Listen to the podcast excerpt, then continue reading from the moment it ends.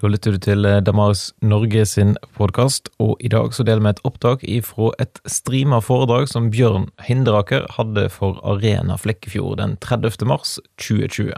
I foredraget så deler han noe av sine 40 år med utforsking av Jesu oppstandelse, og peker på forskere og funn som kan gi oss grunnlag for å hevde at Jesus sin oppstandelse er historisk vel bevitna.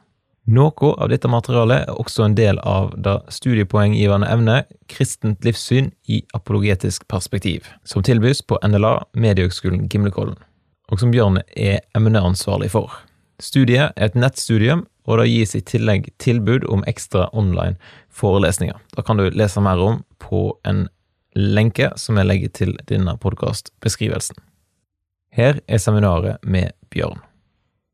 Nå hører jeg at jeg er live på. Jeg har ikke prøvd dette her før noen gang, så dette er veldig spennende. Mm. Vil du si litt om deg sjøl, om uh, hva du driver på med før du setter i gang? Ja, det vil jeg veldig gjerne. Mitt navn er Bjørn Hinderaker. Jeg bor her i Kristiansand. Og jeg jobber på NLA Mediehøgskolen Gimlekollen. Vi har et studium her som heter kommunikasjon og livssyn. Som er et studium i, i, si, i, om formidling i et livssynsmangfold som da også må inkludere trosforsvaret. Det å forklare og forsvare troen sin i møte med spørsmål, innvendinger og livssynsalternativ. Så vi arbeider med noe av dette feltet som dere holder på med i Arena. Det vi kaller kristen trosforsvar eller, eller apologetikk. Um, jeg har uh, jobbet her nå i rundt 20 år. Før det har jeg vært undervist litt forskjellige steder. Jeg er teolog av utdanning, har litt andre strøfag ved siden av, som, som hebraisk idéhistorie, som er sånn morostoff. Um, har en kone og tre barn og to barnebarn, dvs. Si nummer, nummer tre på vei, så jeg føler jeg har kommet ganske langt i livet. Har det fantastisk fint. Og trives her og jeg også. Uh, vi kan jo føye på der at um, i sammenheng med det vi holder på med her på NLA Mediasjon Gimlekollen, med kommunikasjon og livssynsstudium, så har vi noe som heter Damaris Norge, som er åpne, frie gratis nettressurser for hvem som er interessert. Hvor vi utvikler kvalitetsressurser som på den ene siden har kontakt med populærkulturen, spesielt opptatt av film. Filmanalyse, filmforståelse. Um, og så er vi opptatt av spørsmålene som er, um, som er inn på det spørsmålet med, uh, spørsmålet med trosforsvar. Hvis du går inn på, på hovedsiden vår der, som er, som er åpen for alle, som heter snakkomtro.no, finner massevis av ressurser, både artikler, video. Um, og det finnes um, også um, linker til bøker, sånn som 'Skeptikerens guide' til min kollega Stefan Gustavsson. Um, det er linker til bøkene der, og det er lagd vel ti videoer til hver av de filmene som summerer opp uh, boken sine hoved, hovedpoeng. Så vel, veldig gjerne at folk går og sjekker opp de ressursene, og så kan sende meg og spørsmål. Um, etter de har vært og sjekket ut eh, stoffet vårt der. Veldig spennende å høre, Bjørn. Ja. Eh, da prøver jeg nå å få opp din eh, presentasjon her, ja. sånn at du kan eh, teste om den eh, fungerer. Så er det bare å sette i gang eh, når du er klar. Den ser veldig fin ut her for, fra, fra min side. Sånn. Ja, jeg er veldig glad for å kunne presentere akkurat dette her temaet, fordi at um, Jesu oppstandelse var en ting som jeg fikk oppdage for um, nå er det 40 år siden. Hvor um, jeg og min kollega Lars Dale vi gikk på, på bibelskole. Uh, og det året så fikk uh, kom i hendene mine forfattere og tenkere som hadde arbeidet spesielt med dette spørsmålet om Jesu oppstandelse. Og jeg har for så vidt vokst opp som kristen hadde en god del spørsmål og en del ting jeg var, var usikker på også. Og det var en fantastisk aha-opplevelse å se at den kristne troen, og ikke minst Jesu oppstandelse, tåler de kritiske spørsmålene. Um, og det jeg skal dele med dere i dag, er, er faktisk i stor grad litt min egen vandring og de personene og ressursene som jeg har møtt eh, siden det året i, i 1980. Så nå, er det jubileum for det. Eh, jeg vil gjerne, eh, gjerne, dele dette med dere, som er fantastiske ressurser. Og ting som jeg ikke hadde ant, som, eh, som jeg vil dele med dere nå. Men jeg vil gjerne begynne med en, eh, en refleksjon om den veldig spesielle tiden vi lever i nå. Her ser dere en uh, musling, en, en, en østers. Uh, og min kollega Stefan Gustavsson uh, skrev en artikkel nå forrige uke om, om, om hvordan den krisen vi nå lever under, den viser vår sårbarhet. Vi i Vesten vi har lenge levd som en lukket musling, hvor vi stenger oss ute og stenger oss inne i vår egen trygghet og holder Gud ute. Eh, og, og, skal beholde kontrollen over våre liv på egen hånd. Og nå opplever vi at um, det er visst ikke så enkelt. Vi har visst ikke helt kontroll. Vi er fortsatt sårbare. Um, og de store spørsmålene presser seg på. Og spørsmålet er jo er det noe mer enn denne muslinglivet som vi har skapt for oss selv hvor vi ser da for oss at det ikke finnes noen Gud, og heller ikke noen større mening med livet. Eh, og min eh, formidling i dag vil faktisk peke på at det finnes noen eh, sprekker i dette her skallet. Både, både, vår sårbarhet peker jo på at det finnes noe annet. Vår lengsel etter både fellesskap, mening, kjærlighet og rettferdighet peker på noe større. Og faktisk Jesu oppstandelse er en av de tingene som, som antyder at det finnes noe mer her i verden. Gud som har brutt seg inn i vår verden og, eh, og viser at det finnes, finnes altså noe mer. De vil gjerne at jeg skal være med meg og utforske det i dag. Vi lever ikke i et lukket univers. Det vil si, Gud bryter inn i vårt univers, er oppstandelsen en peker på. Og så er det jo slik at Jesu oppstandelse er jo et liv og død-spørsmål. Det dreier seg jo om døden, og dermed også om livet. Hva er livets mening? Og Hvis det skulle nå være slik at eh, Jesus faktisk har stått opp fra de døde, så er det jo faktisk en, en nøkkel for å forstå livet. Og forstå det som er forlengelsen av livet, om det finnes noe liv etter døden. Eh, men det betyr ikke at jeg vil at dere skal sluke dette fordi det er en sånn fantastisk mulighet, at dere skal sluke dette rått. Uh, men nettopp bevare deres uh, kritiske refleksjon over dette. her. Og Det er også slik at, at dette spørsmålet om Jesu oppstandelse er jo et være eller ikke være for kristen tro. Hvis ikke Jesus sto opp fra de døde, ja, da er ikke den kristne troen verdt å samle på. Det sier jo uh, apostelen Paulus veldig tydelig i 1. Korinterbrevet kapittel 15. Hvis, hvis Jesus ikke er stått opp, da er deres tro meningsløs. Og vi er de ynkeligste av alle mennesker som har satt vårt liv, vårt liv til, til Jesus som den oppstandende.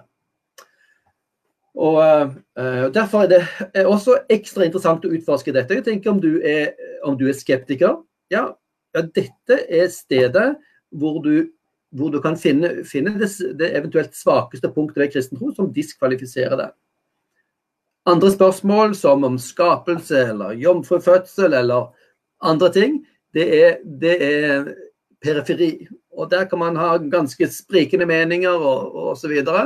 Um, og, og, det kan sånt, Om så, om så uh, Kristus skulle tatt feil om det, så hvis Jesus sto opp, så står likevel dette fast. Men om Jesus ikke sto opp, så er det jo ikke noe verdt i å tro på Jesus. Så jeg vil gjerne at dere benytter denne anledningen til å utforske den kristne troens holdbarhet med dette temaet. Så er jo det første spørsmålet vi må stille her, men er det mulig? For det er jo slik at per definisjon så er jo oppstandelse et, et mirakel. Og i mange, manges øyne så er det jo nettopp det som gjør det umulig. Og Da er vi tilbake til denne den moderne muslingen. ikke sant? Vi har stengt oss inne i et skall. Vi definerer Gud ut av virkeligheten. Og det er jo slik at ja, så lenge du er inne i skallet der og definerer Gud ut av virkeligheten, naturen alt som finnes, så er jo underet umulig, oppstandelse umulig. Eh, men hvordan kan vi vite det? Vi kan kun vite det hvis vi kan utelukke Guds eksistens. Det er kun umulig hvis vi kan utelukke Guds eksistens på forhånd. Og der jeg tenker at det er kanskje en fordel å være agnostiker fremfor å være en ateist. Um, og i hvert fall holde det åpent. Ja, OK, vi har muslingen vår, vi har vårt liv, vi tror på liv i naturen her. Vi kan ikke utelukke det, men kom i så fall med noen, eh, noen skikkelige beviser. Og det mener vi vi kanskje har her, ikke minst ved Jesu oppstandelse. Og så kommer spørsmålet selvfølgelig eh, Ja, hvis det er i prinsippet mulig, men kan det utforskes historisk? Um, for, for uh, forskere osv. De, de har jo kun tilgang til det som har satt spor i historien. Og når alt kom til alt, var jo faktisk ingen til stede under selve Jesu oppstandelse. Um, og uh, hvordan kan vi historisk utforske noe sånt? Ja, men da vil jeg svare at jo, det er jo slik som med alt fra historien. For historien setter spor. Alt det vi vet fra tidligere historien, er ut fra spor, og som setter oss på sporet av forståelser eller forklaringer. Og eh, eh, det er disse sporene jeg vil gjerne ta dere med på utforskingen av eh, i kveld. Eh, og i hvert fall før du utelukker det. Vær med og undersøk og, og se hva munn det kan være av spor. Og om dette kan være noen som noe som peker i retning av en Jesu oppstandelse, mer eller mindre, i mer eller mindre sterk grad. La meg ta dere med gjennom en del, en del personer som har vært viktige i min vandring med disse spørsmålene. Og Det var nøyaktig 40 år siden jeg kom over en forfatter som heter John Warwick Montgomery. Han lever enda, han er vel oppe i 90-årene nå. Um, og hans litteratur og hans det var faktisk noen kassetter, en hel, en hel uh, kassettserie med, med, rundt 30 små kassetter, hvis noen av dere vet hva det er for noe, som vi hørte igjennom, som gikk på, på forsvar for den kristne troen. Han, uh, han selv i sin ungdom han var en ateist, og han ble utfordret på spørsmålet om Jesu oppstandelse.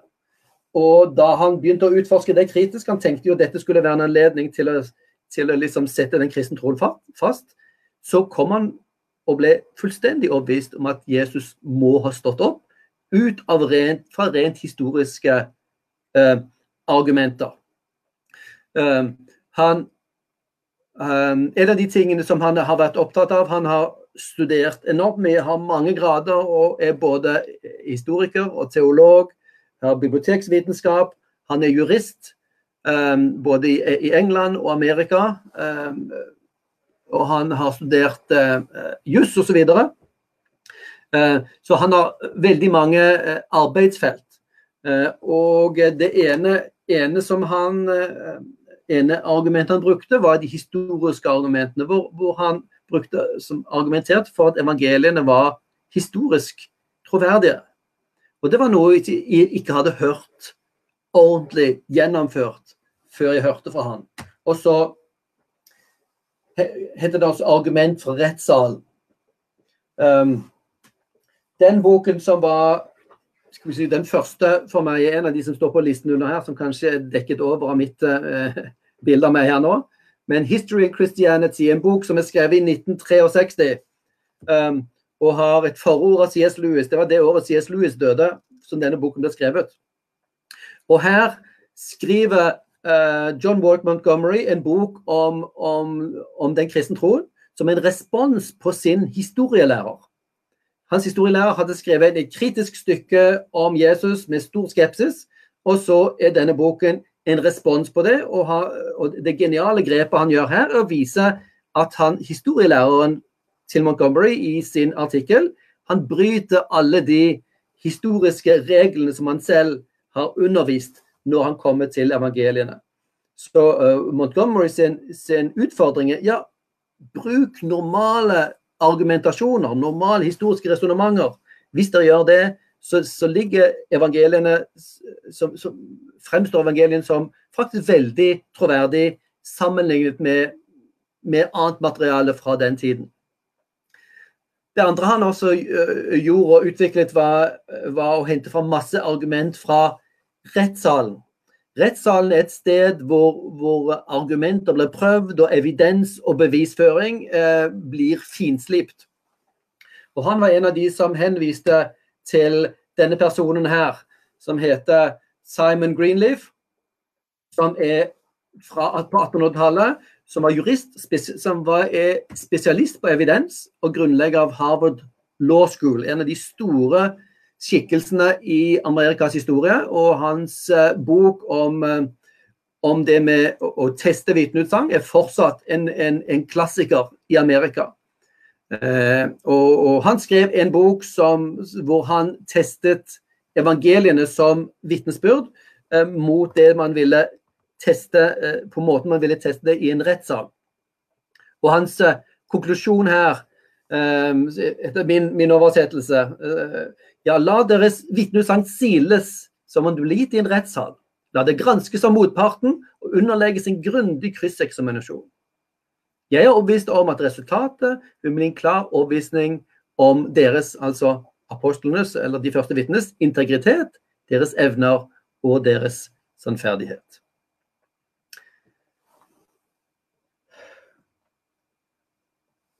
En litt uh, nyere person. Han her, uh, Personen heter Jim Warner Wallace. Um, han er i full sving i våre dager, og han er en cold case-detektiv. Og har utviklet noe som heter Cold Case Christianity. Han var, en, uh, han var altså en detektiv som forsket på gamle mord. Og når du forsker på gamle mord, så er det cold cases. Du har kanskje ikke noe lik, du har ikke noe våpen, du har ikke noen øyenvitner og så skal du likevel få, få, finne ut hvem som er morderen, og dømt, dømt de skyldige. Det er hans spesialitet. Um, han selv var en ateist, og ble sett på som en ganske tøff ateist av sine kolleger. Uh, og ble så utfordret av sin kone til faktisk å komme og ja, gi, gi, den kristne troen en sjanse, i hvert fall. Uh, og det var et sjokk for han, fordi at det viser seg at um, det som han trodde bare var oppspinn her, var faktisk ganske interessant. Denne personen Jesus var faktisk en interessant karakter. Så det som, det som han gjorde da, var å bruke et helt annet halvt år. Han brukte seks måneder på å analysere evangeliene på samme måten som han analyserer vitneutsagn i, sin, cold caser. Eh, for cold cases de er i veldig stor grad basert på ulike vitner. Ikke da øyenvitner, som vitner til mange av hendelsene rundt og som du baserer saken på. Eh, og, og, når du analyserer vitneutsagn, så ser du etter potensiell løgn og bedrag og fordreininger. Um, og Det anvendte han på evangeliene, og han ble sterkt overbevist om at disse er sannferdige. De er øyenvitneberetninger. De har akkurat dette preget av den usikkerheten. Det er, er, akkurat nok eh, si, forskjeller, eh, det som ser ut som motsigelser på, på overflaten, sånn som ekte øyenvitneberetninger har. Og så er det eh, enhet, enhetlig i det de faktisk eh, beskriver. Så han, eh, han, selv ble helt overbevist om dette, og har da som en god amerikaner også, eh, også utviklet dette til fantastisk gode ressurser. Han er en meget god og klar tenker. Cold Case Christianity er liksom hovedboken hans. Um, som går på den kristne troens grunnlag og de historiske spørsmålene rundt Jesus. Um, God's crime scene går på Guds eksistens, hvor han også ser på evidensen for eksistensen av Gud med dette, dette blikket som han har som, som en uh, detektiv. Kritisk detektiv. Så dette er analyse av eh, evangeliene som vitneutsagn. Hvis du tar de for, for, å lese de tekstene som, som, det er, så sier han dette bærer klart preg av øyenvitneberetninger. Så har du så har du noen andre skikkelser her som jeg møtte ganske mye før um, um, William Wallace. Og det er da to navn. og Den ene av disse heter Gary Habermas, som skrev sin avhandling i 1976 om Jesu oppstandelse. Og Det er han som har utviklet det, det som vi kan kalle minimum facts. Uh, og, og, og det, det, som var hans argument, er at OK, uh, når det gjelder omstendighetene rundt Jesu oppstandelse, så er det et bredt spekter av fakta som kritiske forskere er enige om. Og som både er uh, styrket av sterke argument, og som det er også faglig bred enighet blant fagfolk om. Og, og blant de ti uh, minimumsfakta som man, som man mener det er bred enighet blant fagfolk om, var at Jesus døde, Jesus ble lagt i en grav. Disiplene var desillusjonert etter Jesu død. Graven ble funnet tom. Jesus opplevde noe. De noe, opplevde noe de forsto som møter med Jesus, som, som oppstått. Jesus, Jesu etterfølgere ble forandret og villig til å lide for sin tro etter dette hendte. Budskapet ble spredt i Jerusalem. Dette budskapet skapte den kristne bevegelsen. Eh, feiringen av søndag, ehm, som, som, var forandringen fra den jødiske sabbatsfeiringen, at det var søndagsfeiringen. Og det tiende faktum er Paulus sin omvendelse og vitnesbyrd. Disse ti fakta er, er, kan man bruke til å, å formulere en case for oppstandelsen. Vi trenger en forklaring på disse ti fakta som forklarer alle best mulig og greiest mulig og på lettest mulig vis. Um, og det mener han er um, Jesu oppstandelse er det eneste, eneste forklaringen som, uh, som, har holdbarhet i møte med disse ti minimumsfakta. Som ikke betyr at det ikke er mange andre fakta du kan argumentere for, men disse fakta er det veldig bred enighet om blant fagfolk uh, av ulik typer livssyn. Blant uh, både kristne og uh, jødiske ateister og agnostikere. Blant fagfolkene er det bred enighet om alle disse ti minimumsfakta. Noe lignende tilnærming bruker William Lane Craig, som er en av de aller fremste kristne trosforsvarere i dag. Han har skrevet veldig mye om dette, bl.a. i sin bok 'Reasonable Faith'. Um, og han, han eh, for, for, å gjøre uh, diskusjonen enda enklere, så snakker han om tre kjernefakta, eller kanskje også, også, fire, men hvis vi nevner bare disse her tre, så er, så er de enormt sterke argument samlet for Jesu oppstandelse. Det første kjernefaktum er at Jesu grav ble funnet tom av en gruppe kvinnelige tilhengere den første dagen uken etter korsfestelsen. Graven ble funnet tom av en gruppe kvinnelige tilhengere den første dagen uken etter korsfestelsen. Ehm, dette er da bred enighet om, og dette støttes av veldig mange ulike typer argumenter. Ehm, det andre er ulike enkeltpersoner og grupper hevder å ha sett Jesus levende under ulike omstendigheter. Det første er at graven var tom. Det andre er at ulike enkeltpersoner og grupper hevder å ha sett Jesus i livet under ulike omstendigheter. Dette er det også bred enighet om, men de er ikke enige om at, om at, de faktisk har sett Jesus, men de har opplevd noe som de selv har tolket som det å ha sett Jesus i livet. Og det siste faktum er at Jesu første disipler trodde oppriktig at Jesus hadde stått opp fra de døde, på tross av hva de trodde på forhånd. Det var ikke slik at disiplene gikk rundt og forventet en oppstandelse. Um, oppstandelsen kom som et sjokk på dem. Det er veldig tydelig i evangelien. De hadde ikke særlig grep på dette før i etterkant at de kunne forstå hva dette her var for noe. Uh, og at de trodde dette oppriktig, det er også en, en, en bred enighet om det blant uh, fagfolk uh, i, i, vår tid. Og så er det disse tre fakta som trenger å forklares. Da kan man sette opp ulike typer hypoteser om hva kan ha skjedd. Um, hallusinasjonshypotesen er en av de, tanken om at disippelen hadde en hallusinasjon.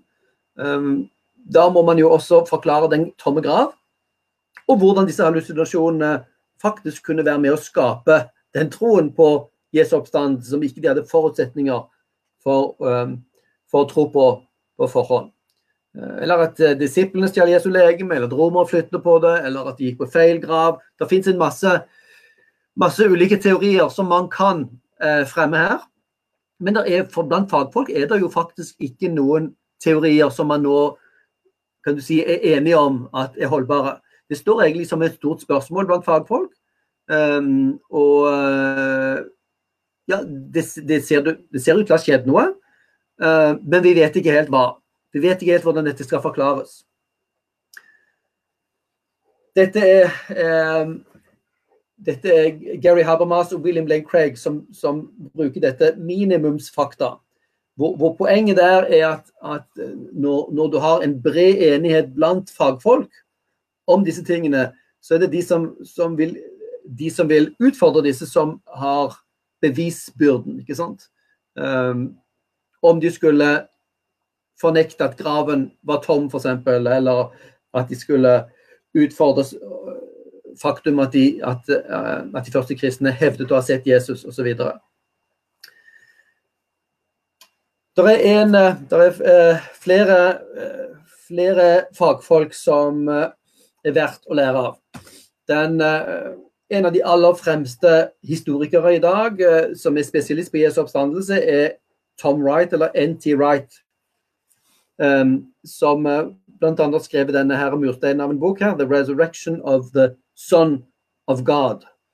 Um, han har skrevet veldig mye, men hans spesialitet må vel kanskje kunne sies å være uh, Jesu oppstandelse. Og uh, det som han uh, har som utgangspunkt i, sin, uh, si, i, i denne her bo boken, er hvor kommer den ideen om en død og oppstått Messias fra? For det var jo kjernen i det første kristne budskap. Hvordan oppstår en sånn en tro? Noe så motkulturelt, noe så latterlig, for dette her var jo ikke bare en som var tilfeldigvis død og så leve igjen. Dette var en som hadde hengt på et kors, splitter naken. Den ytterste skam og ydmykelse. Hvordan kan det være at denne personen blir hyllet som Guds sønn og erklært som oppstått? Eh, og han, han undersøker alt materialet som finnes som er samtidig med evangeliene, og kommer fram til denne ideen her kommer ikke fra gresk tenkning. Det finnes ok, i greske, greske religioner ideer om, om uh, Eh, om, eh, om, guder som, som, dør og står opp igjen, akkurat som, eh, som jordens rytme med, med høst, høst, og vår, med liv og død. Men vi vet at jødene var veldig skeptiske til slike myter. Det er, der er ingen, ingen, spor av, av hentinger fra, fra, den, henting fra den greske tankeverden i beretningene om Jesu oppstandelse. Det er en veldig klar jødisk eh, jødisk språk og jødisk tenkning bak dette. Og Det som er interessant også, at den ideen om en død oppstått Messias, den kom ikke fra jødisk tradisjon. Så dette var ikke noen forventninger som lå blant de første kristne om at ja, ja, vi tror på en eller annen som kommer og dør for oss, så kan stå opp igjen. Det var helt fremmed tanke. Um, og spørsmålet da hvor hvor kommer dette fra? For det er jo slik at, at Jesu død passet ikke inn i deres tro og agenda. Det at han sto opp igjen, gjorde det heller ikke. Og så ser vi at etter oppstandelsen, det første kristne budskapet, så har jo faktisk oppstandelsen fullstendig omformet de første kristnes tro. Eh, hvor de tidligere tenkte på at det skal skje en oppstandelse den siste dag, eh, eh, den kommende tidsalder, så plutselig så tror de på oppstandelsen av Messias har skjedd nå midt i historien, og de så venter på en ny oppstandelse når Jesus kom igjen. Og Dette var en, en helt ny, ny, nyforming av den jødiske troen, som trenger en forklaring. Hvordan, hvordan kunne deres tro plutselig bli så grunnleggende forvandlet? Og så er, er Noe av hans argument her er at Jesu oppstandelse faktisk den beste forklaringen på denne ideen. Hvordan de kunne komme opp med dette, det, det, det lå ikke i jødisk tradisjon. Um, og hvordan dette kunne bli den, den første kristne teologien. Noen har sett på det som Det er ikke, det er ikke N.T. Wright sitt argument, men noen har sett på det, det som et viktig, viktig poeng at uh, den flokken som Jesus valgte seg ut, var ikke en, en gjeng med spesialister, professorer og teologer, men ganske vanlige folk. De var fiskere, det var tollere eh, og, og, og, vanlige folk. Så eh, det gjør det enda mer uh, usannsynlig at de skulle være så originale og, og kommet opp med en helt ny jødisk teologi.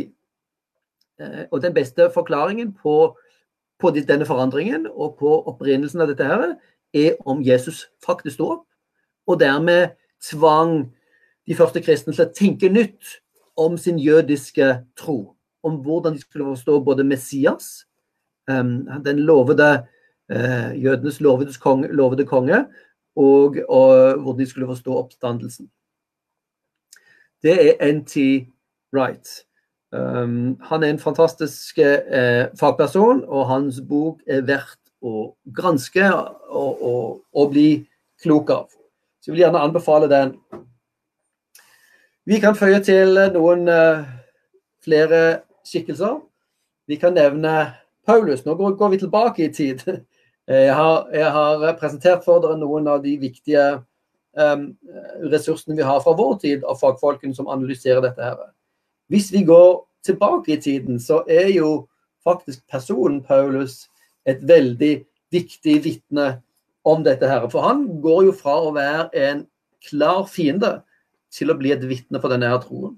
Han hadde den veldig spesielle opplevelsen på vei til Damaskus, hvor han selv opplever at, eh, at uh, Jesus roper han og kaller han og spør hvorfor han forfølger, forfølger han. Uh, og, og uh, som ble den radikale endringen, en plutselig radikal endring hos Paulus, hvor han fra å være en som mishandler og forfølger denne nye kristne bevegelsen, blir et vitne for den. Uh, og han må veldig tydelig også gjennomtenke sin, sin teologi um, i etterkant av dette. Det ble aldri det samme. Og vi vet at han overtok denne tradisjonen. Og vi vet også ganske gode kilder på at han døde for sin tro. Um, sannsynligvis under keiser Nero. Um, han, han, selv er jo ikke noen øyenvitne her, og det er han også tydelig på. Det, det, er en annen måte han har overtatt denne tradisjonen, selv om han mener jo at han møtte virkelig Jesus når han ramlet av hesten på vei til Damaskus. Så er dette en annen type møte med Jesus enn de første disiplene hadde. Men at det var en helt en, en overbevisning om at dette var noe som var sant, og at den troen han hadde fått, var noe verdt å både lide for og satse på. Det er et veldig sterkt argument for hans troverdighet. Han overtok en tradisjon her, og vi vet jo at Paulus ikke sparer på kruttet når, når, hans autoritet blir utfordret, så han kan henvise til sin autoritet. Når det gjelder Jesu oppstandelse, så, så så snakker han veldig mye om den i 1. Korinterbrev, kapittel 15 spesielt. Og der er hans poeng eh, at først og fremst, sier han, overga jeg det til dere det jeg selv har mottatt. Paulus understreker at dette er en slags overlevering som han har fått. Um, og som var den måten man tenkte undervisning på i antikken. Sant? Man lærer stoff, som en elev, og elevens jobb å videreføre dette mest mulig presist til nestemann. Da men en god elev, god student. Og det er det som han nå henviser. Dette er det som han sjøl mottok. Og dette er veldig tydelig en, en formel, og uh, en, en, slags trosbekjennelseformel. Og uh, de som forsker på dette, sier jo at de, finner veldig tydelige spor etter den, den, den, jødiske eller arameiske uh, grunntonen her. Dette er ikke noe god, god gresk. sant? Um, denne opplistingen her bærer veldig preg av å være en veldig tidlig bekjennelse. Og den, den, går, den går, slik på, på um, ifølge Paulus at det var det den overtok. Sant? At Kristus døde for våre synder etter Skriftene, at han ble begravet. At han sto opp den tredje dagen etter Skriftene, at han viste seg for Kefas, og deretter for de tolv. Deretter viste han seg for mer enn 500 troende søsken på én gang. Av dem lever de fleste ennå, men noen har sovnet inn. Deretter viser han seg for Jakob, og deretter for alle apostlene. Dette er veldig interessant, fordi her snakker Paulus om, eh, om en tradisjon eh, som han har overtatt. Og hvis, eh, hvis, vi gransker dette her historisk, så vet vi når Paulus har skrevet dette her. Eh, Korinterbrevet er en av de, en av de syv brevene som, som, er hevet over tvil som ekte paulinske brev. Det er noen diskusjon om noen av de andre, men Korinterbrevet og Galaterbrevet f.eks. Eh, er hevet over tvil som genuint paulinske. Og, og, Paulus skrev dette her i rundt år 55. Um, og det er jo ikke så veldig langt unna 30-tallet. Men det som han sier her, det jeg overga dere. Han henviser til år, rundt år 51-52, når han var i Korint og overleverte denne tradisjonen til dem. En en del av Paulus' undervisning må altså ha vært å overleve, uh, overlevere sånne trosformler. I tillegg til, å forklare, tillegg for å undervise fra Gammeltestamentet osv., som han helt selvfølgelig var, var, dyktig til, så var det å, å, å videreføre slike gamle kristne tradisjoner. Um, og så er det slik at vi vet jo at, uh, at uh, han overleverte disse i, i Korint i år 51. Da må ha, Paulus ha fått det enda tidligere. Og vi vet fra, når vi sammenholder dette med Galaterbrevet, så vet vi at Paulus besøkte Jerusalem tre år etter han kom til tro. Og Hvis vi, hvis vi ser for oss at, uh, at Jesus uh, døde rundt år 33, men forskerne sier det må være enten år 33 eller år 30, um, um, og det har med hvor, hvor henne denne, disse påskedatoene falt uh, har med kalenderen å gjøre. Hvis vi ser for oss at det var år 33, og det gikk kanskje et år mellom Jesu død og Paulus' sin og så gikk det da tre år til før Paulus reiste ned til Jerusalem. Og så sier han, Jeg snakket kun med Peter med Kefas, altså Peter, eh, og snakket han med Jakob, Jesu bror. Um, som han tydeligvis har snakket med. Så det vil jo si at uh, de, det seneste Paulus kan ha overtatt dette, er, er rundt år 37, når han var i Jerusalem. Han reiste ikke dit for å, for å snakke om været. Um, han reiste ned dit for å se er dette, dette som han nå tror på, er dette noe som holder vann. Um, og kunne utforske disse tradisjonene og ta de med. Um, og da formidle de videre i sin misjonsgjerning, som han senere gjorde. Med andre ord så har vi og da I år 37 så har dette allerede vært en slags trosbekjennelse, allerede en formel. Sant? Så Når historikere snakker om dette, her, så, som du snakker om i år, allerede år 37, så overtar Paulus dette fra bl.a. Peter og Jakob som en formel. Så vil jeg si at vi, vi er veldig, veldig nært selve disse hendelsene. Disse, denne troen og trosbekjennelsen eh, ligger veldig, veldig nært hendelsene. Og Dette undergraver sånne, sånne forestillinger som, som, av og til noen, noen teologer har spredt, at uh, ja, ja, eh, disiplene forsto ikke helt hva som skjedde her. og så Etter noen tider så begynte troen om, om, at Jesus kanskje hadde stått opp og vokst fram. og Da var det for seint å undersøke det, og så, uh, og så fortsette troen på Jesu oppstandelse. Nei, ut fra denne her, ene teksten her, så kan vi føre tilbake troen på Jesu død for våre synder. altså Det er en hendelse og en tolkning av det. At han ble begravet, og han sto opp igjen tredje dagen, som er jo interessant. Det er den tredje dagen som er en del av denne fortellingen. At han viser seg deretter for Kefa, som er det aramaiske navnet for, for Peter. Og deretter for de tolv. Så, så, Derfor er Paulus et uhyre interessant vitne. Ikke fordi at han selv så Jesus, men fordi han selv har tatt imot og viderelevert en veldig, veldig gammel tradisjon som går tilbake til Jerusalem og til få år. og Noen, noen forskere vil si at dette, denne, disse her eh, formuleringene kan gå måneder etter gå tilbake til måneder etter Jesu død i Jerusalem. Så Paulus er sånn et veldig sterkt vitne for denne gamle tradisjonen og troen på at Jesus faktisk sto opp. Eh, og så har du denne her listen med vitner. at han viser seg for Kefas, Peter, deretter for de tolv. De tolv er jo navnet på, på eh, Jesu disipler. Det var jo ikke tolv som var der, Judas var jo der ikke, og Thomas var der ikke den første dagen, som vi vet, men de tolv er jo et, et, tall som helt klart henspiller på Israels tolv stammer, det nye gudsfolket. Derfor ble de kalt de tolv.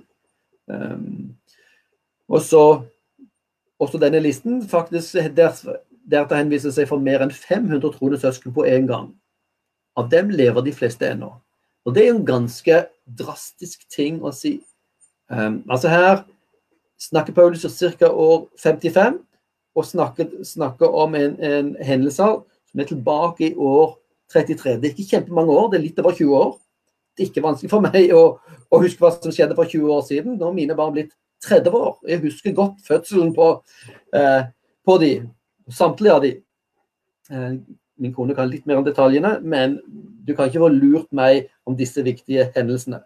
Det er ikke en lang avstand, disse 22 årene fra Korinterbrevet til disse hendelsene som beskrives. Og når, når, eh, når Paulus snakker om disse 500 som lever enda, så er det jo eh, nærmest som en, som en oppfordring. Ja, reis bort og spør og utforsk.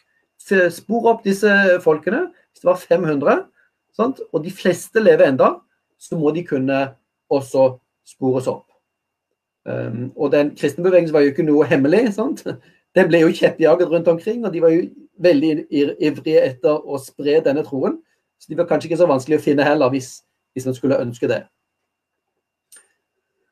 Og så, kom, så nevner han deretter viser seg for Jakob deretter for alle apostlene. Dette med Jakob er jo litt ekstra interessant, for det finnes jo ganske mange Jakober i Bibelen.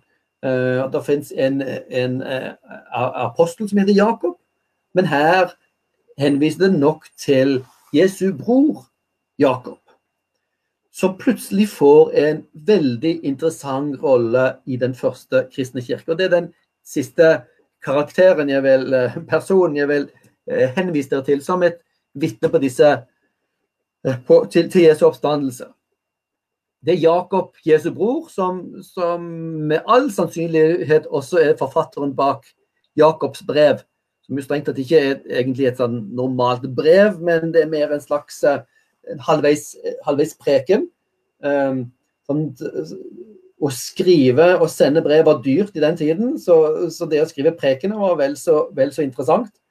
Um, skal du si noe viktig, så kan du like godt gjøre det med brev og få det, og få det skrevet ned. Og Det er Jakobs brev, om du leser dette.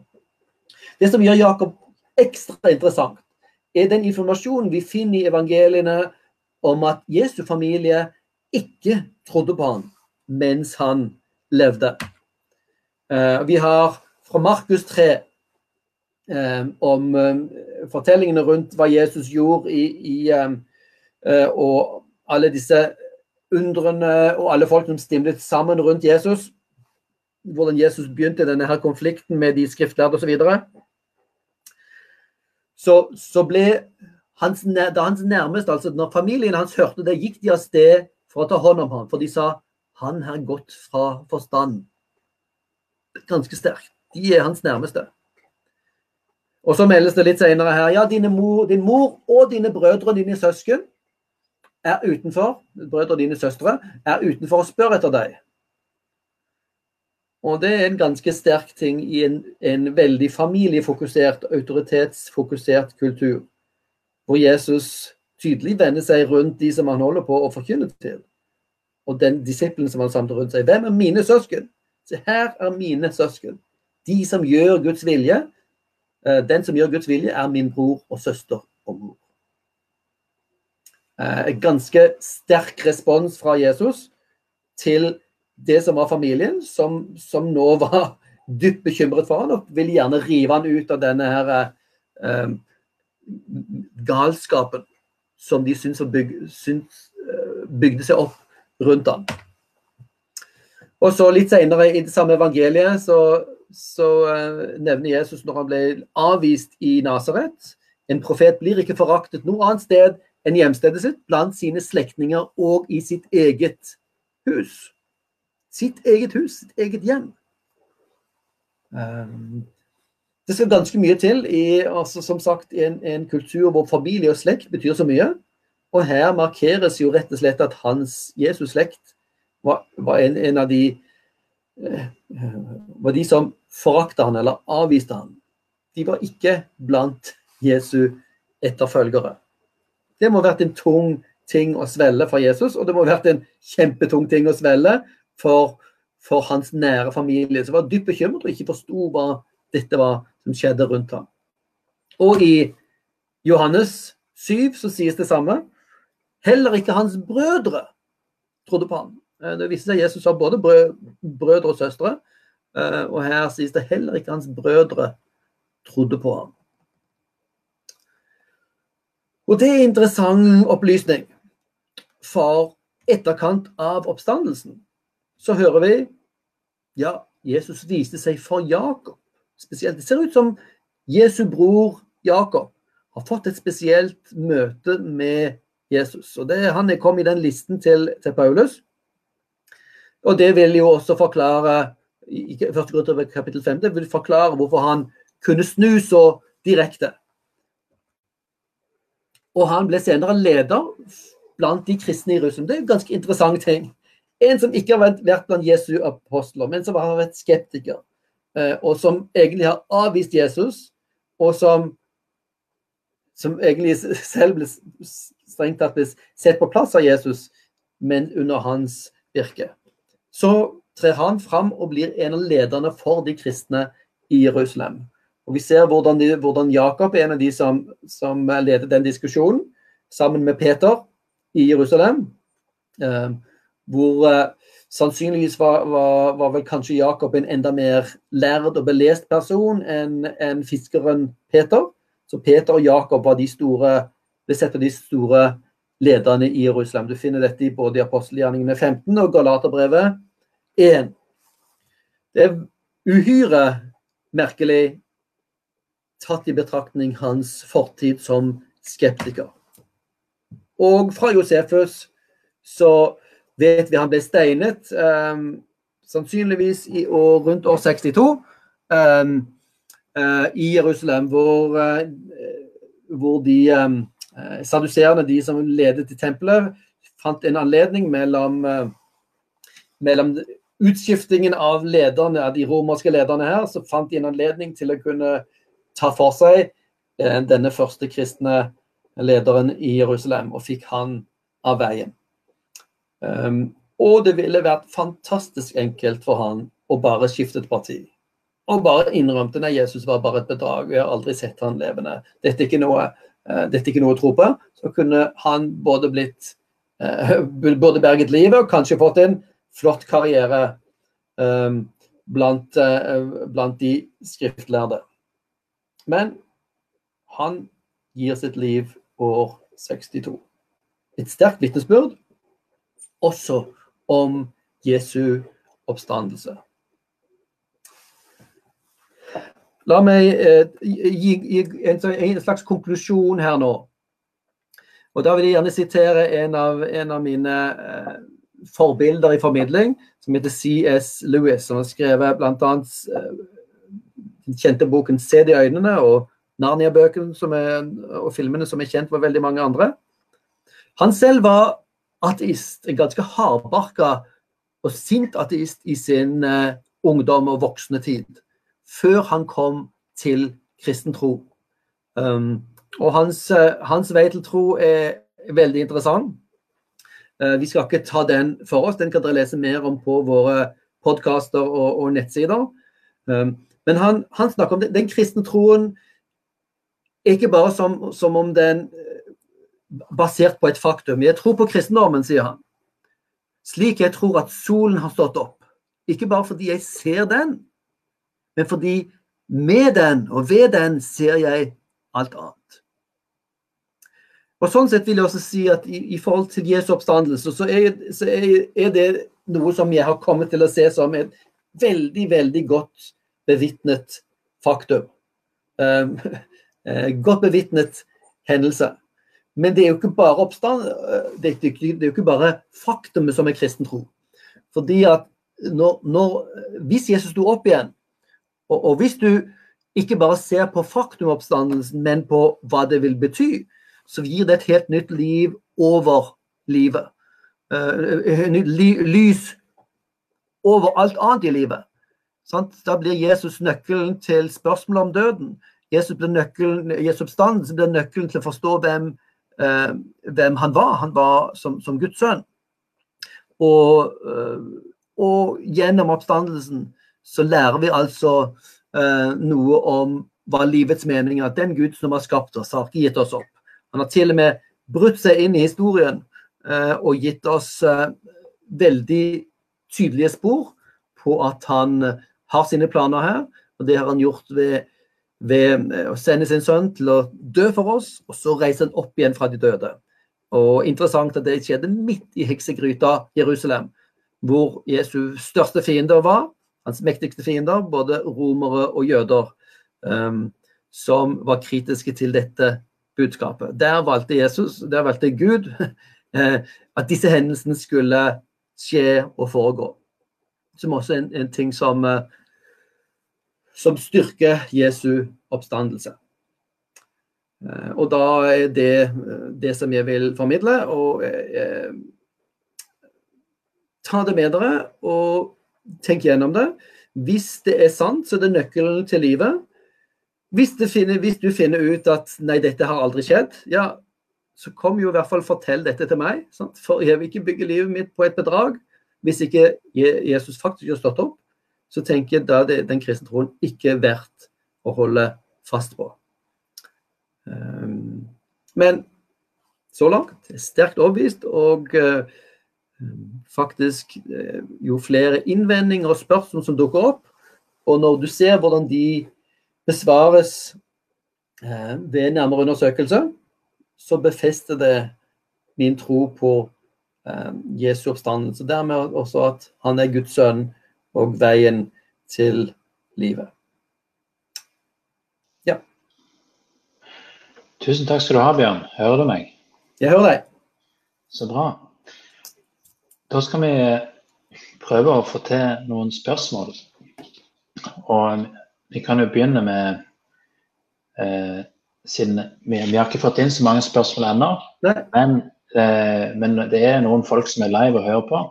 Så hvis ja. eh, jeg bare oppfordrer alle sammen som er Nå har dere virkelig sjansen til å stille de spørsmålene dere har. Mm. og nå eh, tenker jeg dere må eh, Eller hvis du òg vil, hvis du vil komme inn i studio live, så har vi sagt, har Bjørn sagt seg villig til å bli grilla.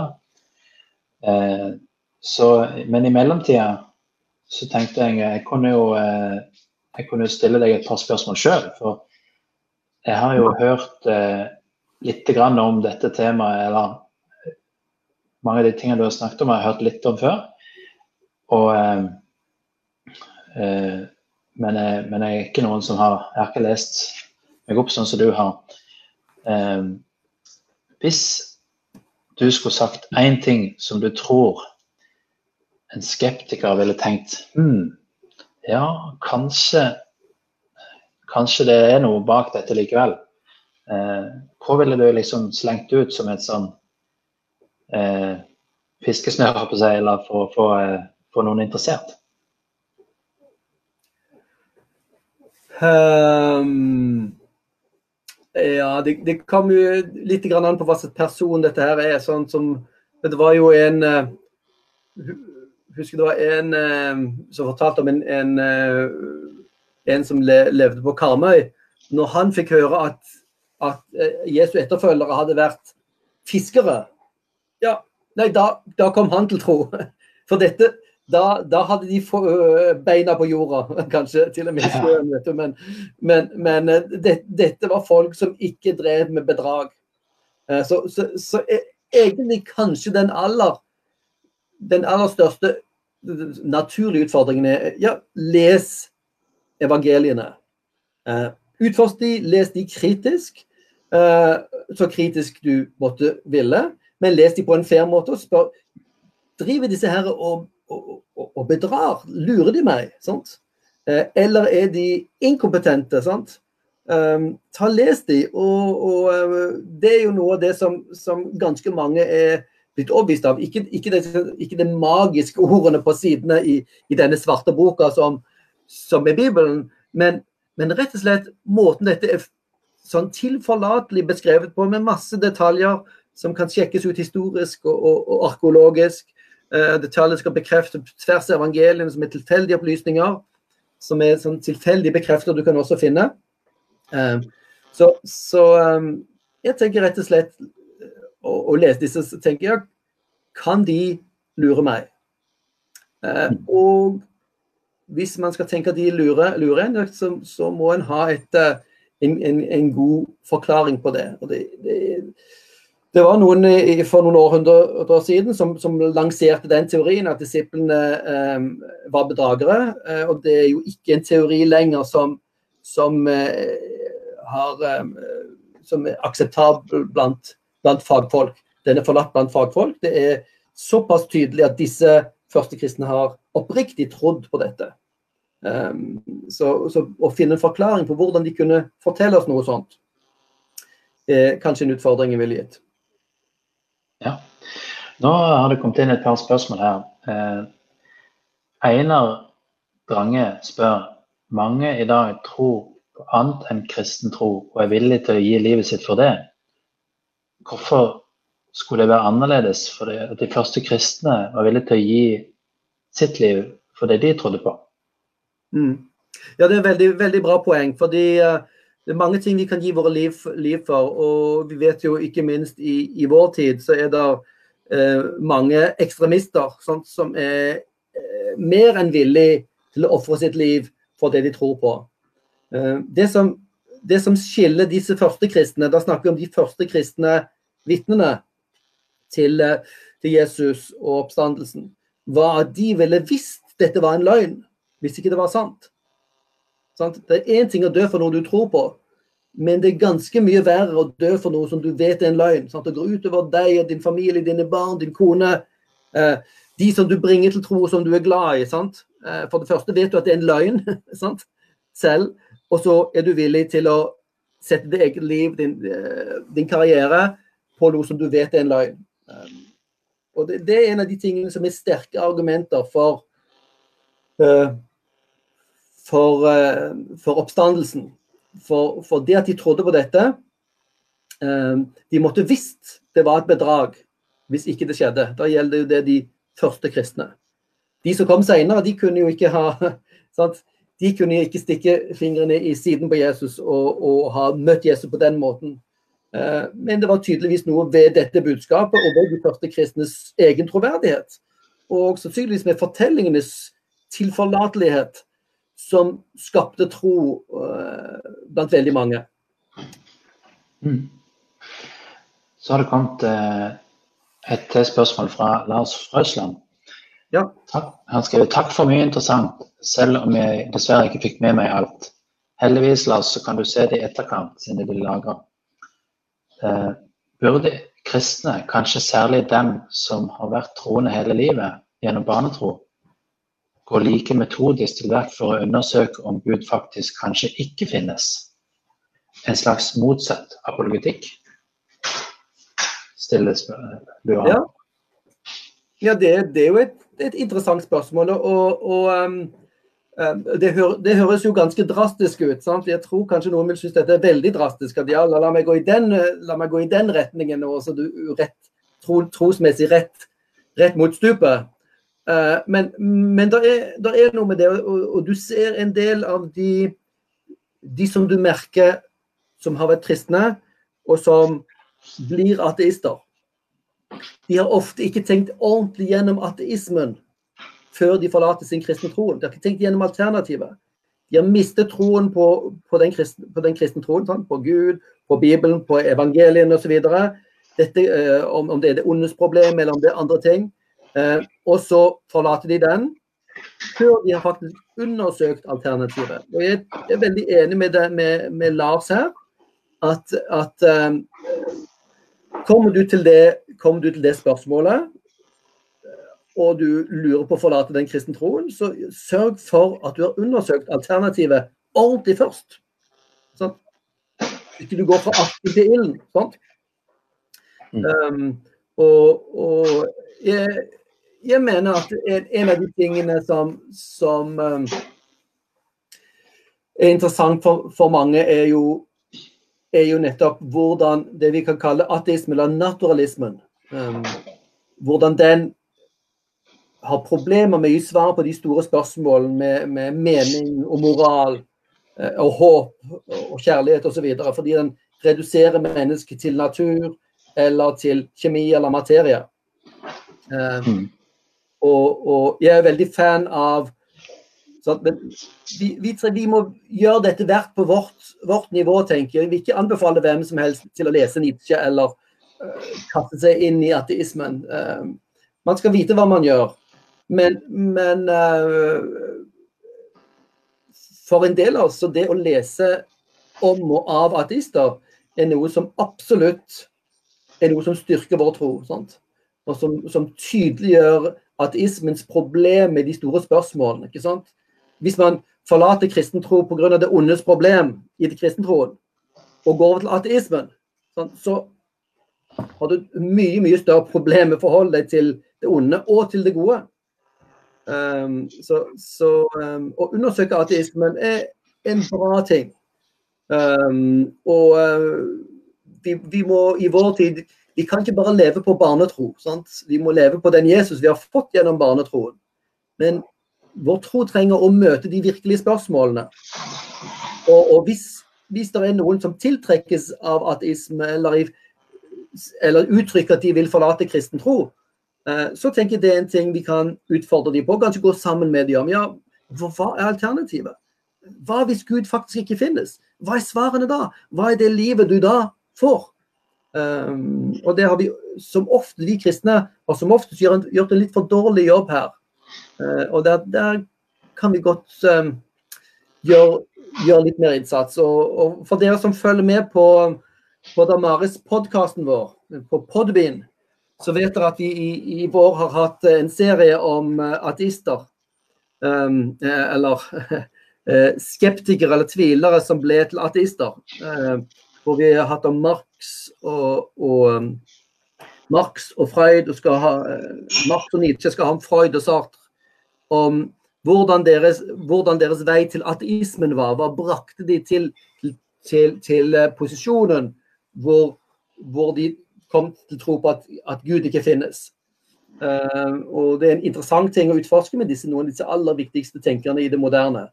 Hvor, hvor, um, hvor, hvor de også må utfordres på de samme spørsmålene som den kristne troen. Ja, hva er svarene de gir, hva er grunnlaget for det? Takk for svaret. Lars Frøsland skriver òg takk for godt svar angående motsatt apologetikk. Mm. Eh, og jeg skulle ønske jeg kunne vært med på de uh, kveldene med Sartre og Nietzsche og alle dette her. Så med, uh, hvis dere får til å caste live, så uh, kanskje jeg får mulighet. Ja, vi, altså, det, det, som er nå, at nå kommer vi sannsynligvis til å spille de inn bare, bare ved å sitte i, i, dialog og legge de ut på, på Podbean, på, på podkasten til Damaris. Ja. Det begynner kanskje over påske. Men da tar vi dere med inn i et møte med disse veldig gigantene i tenkningen, som, som ble ateister i en, i en, religiøs kontekst, ble ateister og påvirket veldig i stor grad den moderne verden. Så det, det vil jeg gjerne anbefale dere. Ja, jeg har ikke lest så mye om dem, men jeg har lest nok til å på en måte si at dette er veldig spennende, spesielt for de som lurer på det som Lars spurte om. Eh, og så få forespeilt kan si, hva er alternativet til kristne troen. Mm. Eh, så har vi et spørsmål nå, litt mer teknisk kanskje, fra Daniel Førlandsås. Han spør tror du det var romerske eller jødiske soldater ved Jesu grav, eller begge? Og vet vi noe om hva som skjedde med disse soldatene etterpå? Nei, de um vi, vi, vet jo ikke helt dette. Det, det er en kommentar i et av evangeliene hvor, hvor Pilatus hvor de ber hvor, hvor eh, de skriftlærde ber om å få en vaktstyrke, og hvor Pilatus sier dere har jo deres egne vakter. Eh, om det skal da forstås som at, at deres vaktstyrke, et slags politi, ble de som ble satt der, eller om man likevel ga de noen, det er, det tror jeg faktisk er, kan være litt åpent. Det er et veldig godt og interessant spørsmål. Um, men som, som, dere ser her, så er ingenting ved, ved, det argumentet de har gitt, er avhengig av at det faktisk var, var vakter ved graven. Sant? men det er et interessant, um, interessant historisk spørsmål. Var det vakter ved graven? Hvem var de? Men det gjør ikke noe til eller fra i forhold til det argumentet som er presentert nå. Mm. Så kommer Svein Tore Sinnes med et ja. spennende spørsmål. Hvor sikre kan vi være på at Jesus faktisk døde på korset? Kan vi vite at han sto opp, og at det ikke var et avtalt skuespill der han satt våken i hulen og ble hjulpet ut mm. at noen fjernet steinen utenfra? Ja, det er jo, det er jo veldig, eh, veldig interessant. Og, og, og, spørsmålet her er jo da et, et av spørsmålene er jo hvem var med på dette her? Hvem var med på dette bedraget? Er det Jesus selv som er opptatt her av å bedra noen? um, altså, her er det veldig mange spørsmål man kan stille. Um, um, for det første forutsetter dette at Jesus selv var bedrager. Det er det veldig, veldig få som Av noen, noen, uh, noen type livssyn som, som vil hevde. Uh, veldig få Forskerhistorikere i dag vil også, vil også hevde at, um, at, de første kristne var bedragere. Det virker som de faktisk oppriktig trodde på det og uh, ofret sine liv for dette. her. Så det, det, det, det, at det skal være skuespill, er en ganske vanskelig type teori. Og så kommer jo selvfølgelig det, spørsmålet med ja, dette med når du har, når du har blitt uh, korsfestet, sant? Er det, er det lett da å stå der og, og, og, og, late som du er død på et kors? Sånt? Eh, og ville ikke Rom, er ikke disse romerske soldatene sin jobb er ikke det deres jobb å henrette? og de er, er, det noe de kan, så er det jo å drepe et menneske.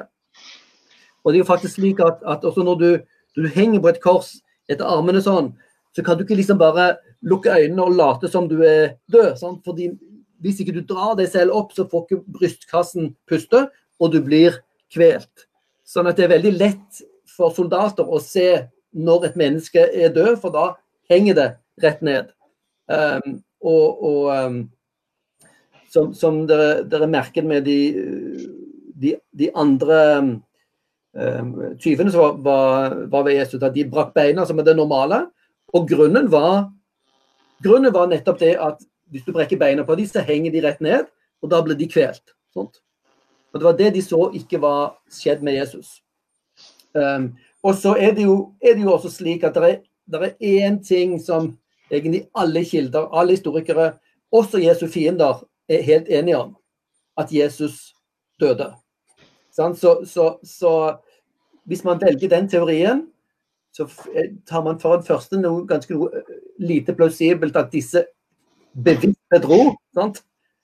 Og skulle ta en sjanse på å bli korsfestet, og kanskje at du akkurat ikke dør, og sitte inne i en grav. Um, og Hvis du i tillegg tar med disse denne eh, si, kjøttkaken han var på ryggen, sant? hvordan han var blitt pisket, og hvor dette ville sannsynligvis ha, ha brakt hans død uansett. Sant? Med alle de sårene, all, all all, uh, alt det blodet. Um, så skal det ja, det er en, teori som er veldig vanskelig å tro. Men, men så, OK, det er en teori. La oss se hva den forklarer. Forklarer den tom grav? Ja. Fordi Jesus satt inne der og venta, så var det noen som kom og, og velta vekk steinen og brakte han ut. Forklarer det at disiplene sa de så Jesus? Mm, ja vel, for så vidt. De hadde møtt Jesus. Men ikke en som var medisinsk pleietrengende sant, i, i årevis, og, og, og alvorlig eh, vansiret av både pisking og korsfestelse. Sant? Det var en annen Jesus de fortalte om at de hadde møtt. Eh, og hvordan kunne man forklare disiplenes tro på Jesu oppstandelse? Dette var ikke bare en som hadde våknet opp fra en grav. De, de, forteller noe helt annet, og noe som de rett og slett har problemer med å sette helt ord på. Ikke sant? Um, det, det, det, det, er et godt forslag, uh, og så må den, må den analyseres kritisk. Mm. Ja. så har du et siste spørsmål vi har fått inn til nå, eh, fra Therese Indraker. Du nevnte at man er sikker på at Galaterbrevet og Korinterbrevet er skrevet av Paulus. Mm -hmm. hva, med, hva, med, de andre av Paulus sine brev? Ja. Dette, dette er en sånn diskusjon blant teologer. sant? Eh, og, og, dessverre snak, snakker man om autentiske brev og de andre brevene. sant? Eh, men, men, poenget er, er vel egentlig at, at, blant teologene så har man ekstremt høye krav for det man kaller som autentisk. Eh, og, og, grunnen til at man stiller spørsmål ved kolokterbrevet, feserbrevet eh, osv., er, er veldig ofte språklig. sant? Eh, at, at det er språklige forskjeller mellom disse brevene. Um, og, og, derfor Det ser ikke ut til å være skrevet av samme penn.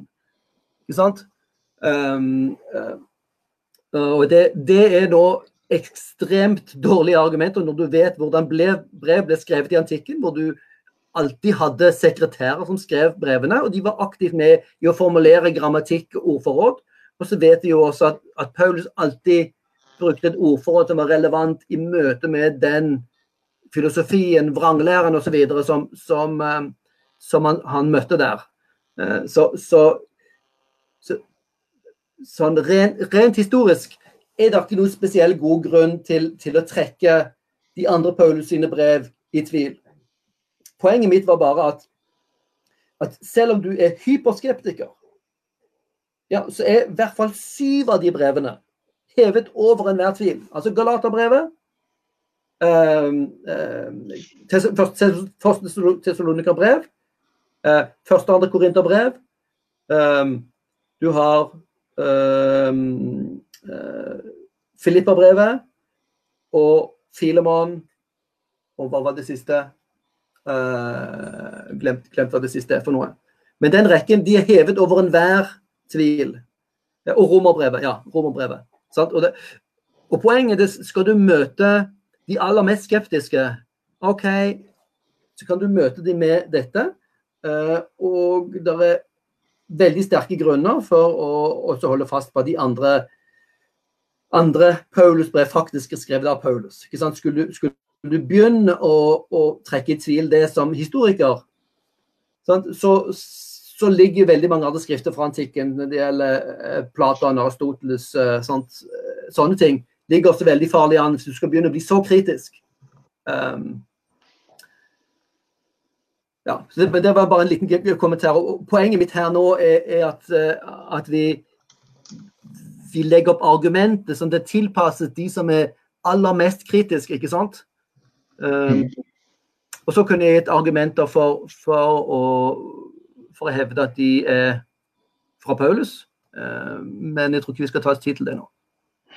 Nei, nå eh, fikk jeg just en beskjed om at eh, det var en som eh, hadde lyst til å grille deg. Å, oh, ja vel. Så flott, da. Eh, så vi får se om jeg Nå har jeg sendt han eh, linken. Mm -hmm. Da kommer han opp, opp, i eh, bildet her. Ja. ja. Så mens han jeg har gitt han linken, sånn at hvis Mens vi venter på han, så kan jo jeg ja. eh, eh, Så er det et annet spørsmål jeg har sett, ser her nå. Fra Elena Midland. Takk for mhm. interessant og lærerik undervisning. Kan du utdype litt om eventuelle utfordringer i forhold til tiden som gikk fra budskapets muntlige overlevering og til det ble nedskrevet? Mm -hmm. Ja, uh, det, det, er kjempeinteressant. og Det finnes ganske mye forskning på dette her nå. Uh, en av de aller største fagfolkene med dette heter James Dunn.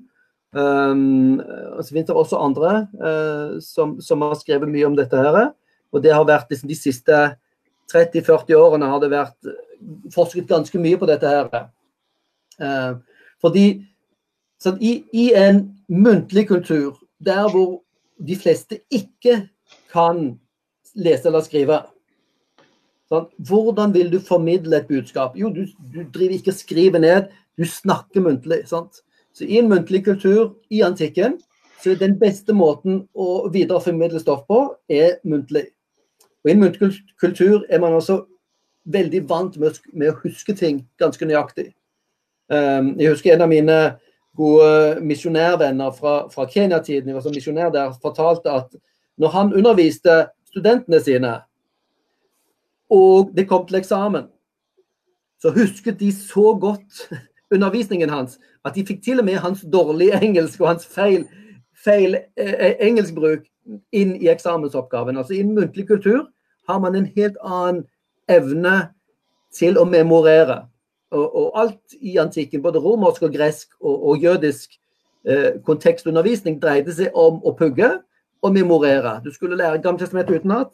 Var du til en, en rabbi, en lærer, så var poenget Um, eh, på liksom, i hvert fall det første nivået, å memorere, forstå og huske hva denne læreren sier. Kommer du opp til et helt annet nivå eh, og blir en rabbi selv, så er du også god til å diskutere med de ulike eh, meningene og tradisjonene. Så, så vi, vi, snakker altså i den jødiske kulturen og i antikken var det en muntlig kultur, som, som betyr at da vil du naturlig formidle muntlig. Og så um, og så etter hvert, og det gikk jo faktisk i mange år sant? Hvis vi ser for oss at Markusevangeliet ble skrevet på, på 60-tallet, jeg tenker kanskje senest på 60-tallet, kanskje enda litt, potensielt enda litt før. Um, og, og, Lukas og Matteus, jeg tror nok de må sannsynligvis ha vært skrevet før år, år 70, før Jerusalem falt. Men der er fagfolk litt uenige om det er 70- eller 80-tallet, men det er fortsatt veldig nært til disse hendelsene. Um, og Det som er da interessant, er ja, hvorfor er disse evangeliene så like? Det er ord for ord like. Jo, en teori er at, uh, at Matteus og Lukas har brukt Markus. Og så har de hatt en annen kilde også, som kalles Q av forskere. Det er den ene, ene forklaringen. og det, det, er ikke usannsynlig at, at, noen av de kan ha brukt hverandre som skriftlige kilder. Men hvis du vet at, at grunnlaget for læring i antikken er den muntlige overlevering, så får du en ny dimensjon på disse her tingene. Og Da er det jo også interessant når Paulus snakker om, eh, snakker om, om, om, om nattverden sant? i 1. Korinterbrev kapittel 11. Um, så, så, uh, så, er det ordrett fra Lukasevangeliet, ikke sant? Og Lukasevangeliet er vel sannsynligvis skrevet etter Paulus sin tid. Men her er det veldig stor sannsynlighet for at Paulus og Lukas Sant? Eh, og Matteus, som er veldig nært.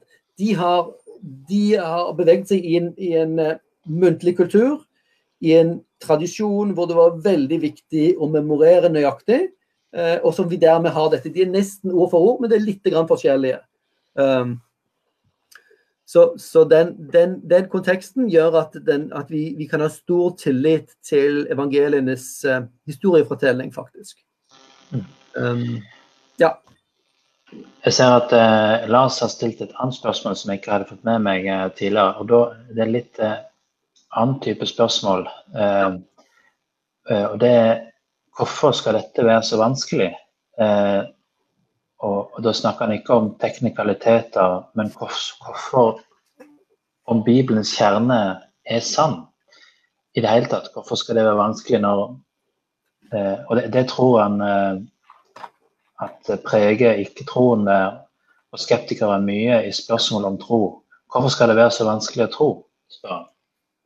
Det var ikke lett. Ja, nei, men, men, men uh, det kommer litt an på hvordan vi ser for oss spørsmål, ikke sant. Um, hvis vi ser for oss spørsmål om Gud kommer til oss og spør ja, vil vi ha tillit til han, så det, hvorfor har, vi grunner for å avvise det? Sånn, at han har skapt oss og kjenner oss og har kontrollen osv. Men men vår kontekst, vi er, vi, vi er, jo plantet i en kropp og i en kultur og i en sammenheng. Uh, og, og i, i, vår kultur, i motsetning til den ja, som kanskje var for 100-150 år siden, så lever vi en kultur som nå er ganske skeptisk til kristen tro. Den har sett noen av skyggesidene til troen. Uh, og en, en, del moderne mennesker er lei av kristendom, for de har sett hvordan kristne oppfører seg. At det undergraver tilliten til deres tro. Vi, vi, vi skal ikke undervurdere uh, um, de problemene vi som kristne gir folk her. På, det, på, den annen side kan vi også peke på, på mediene, medienes fortellinger, som er veldig sterkt preget av naturalisme. um, og, og, som skriver Gud ut av manus. Sant? Det kan dere lese artikler om på, på Snakk om tro, f.eks.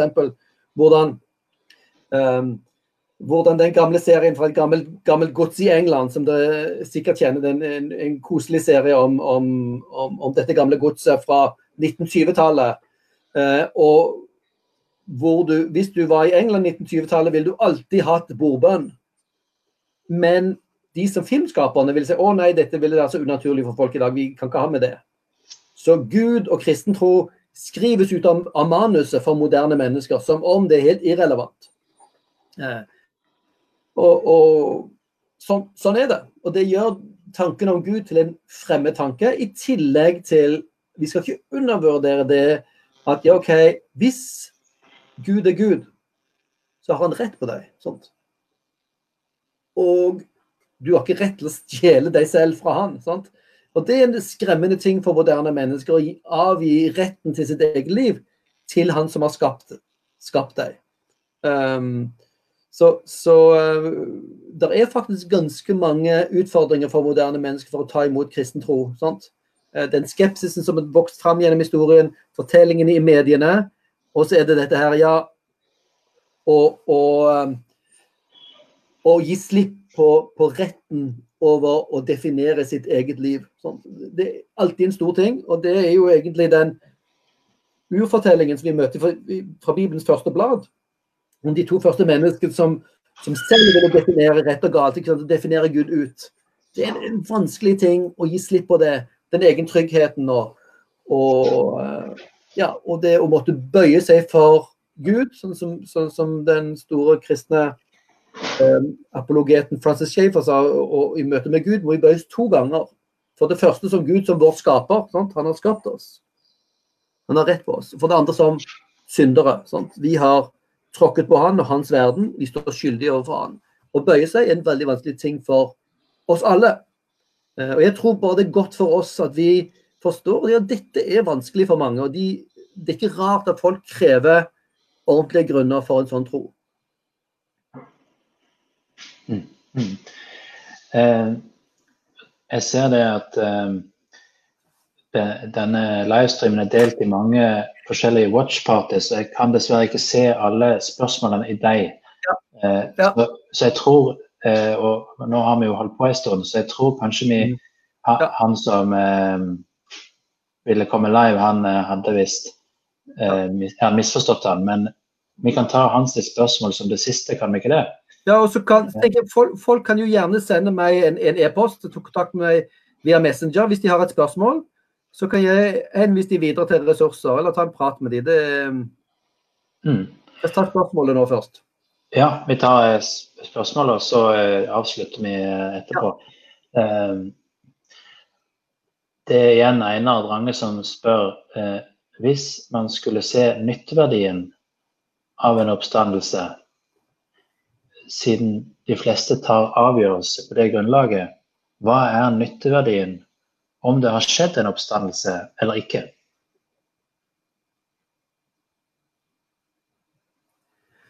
Ja um, Nytteverdien høres jo ut litt som sånn, sånn eh, business-språk, ikke sant? Um, ja. Ehm, og, og, jeg tenker her hvis, okay, hvis dette har skjedd, så er det ikke bare som vi, vi kan betrakte som et faktum. Det, okay, det, kan gi mening å basere seg liv, livet sitt på det fordi det, fordi det har skjedd. og Noen, noen er såpass skal si, teoretiske og rasjonelle at de bare vil gjøre det fordi det er så vel bevitnet. Mens, mens jeg tenker den, den, den, den viktige ting med oppstandelsen er jo det at den, Jesu grav gir et blikk inn i den store fortellingen til Gud. Sant? Den er en Gud som skapte oss, sant? og som ikke har latt døden få det siste ordet. Men når hans sønn sendes til jorden, så går han gjennom ikke bare et menneskeliv i, i avvisning og, og, og en, en, skammelig henrettelse, uh, men reises også opp til, uh, til et nytt liv som peker framover mot Guds gjenskapelse, nyskapelse. ikke sant? Så, så jeg tror um, Jeg tror det, det, ene er på, jeg ser på Stall som et faktum, sånn som C.S. Lewis snakker om at tråkker på solen bare fordi du har sett den. Sant? Men også fordi det kaster lys over alt det andre. Den kristne troen, eller Jesu oppstandelse, er da det, si, den eh, blikket du, som, du, kikker inn i et nøkkelhull hvor du ser det som foregår bak scenen. Ja, det finnes en Gud. Sant? Han kom til vår verden. Han har åpnet en ny vei. Eh, og da kan du si veldig, veldig mildt nytteverdi. ikke sant? Fordi Jesu oppstandelse er jo egentlig en forsmak på hva Guds tanker har, hva Guds tanker er for skaperverket og oss i framtiden. At vi en dag skal få, få uh, nye kropper, vi skal reises opp fra de døde, og så skal Gud skape en ny himmel og ny jord, hvor rettferdighet bor. Um, så, så, det løftet opp på et litt annet nivå enn nytteverdi. Dette er Guds kosmiske plan, som han inviterer oss inn i.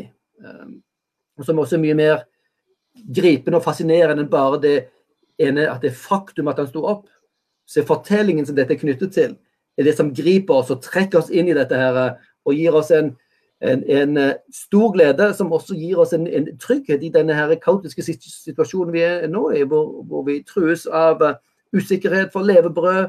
Eh, og noen, sant, noen, noen, kommer til å dø av dette her. Ja, men vi er dødelige. Men her har vi fått noe i hendene som peker forbi livet vårt og forbi døden. Mm. Tusen takk skal du ha, Bjørn. Og så tror jeg vi må si at eh, det, dette går rett inn i kan du si, akkurat det vi ønsker å drive på med som arena. Mm.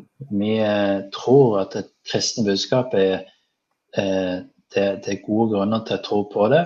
Eh, man kan gå dypt inn i det som skeptiker og finne solide svar. Og det, det ønsker vi å være med på å få fram i lyset.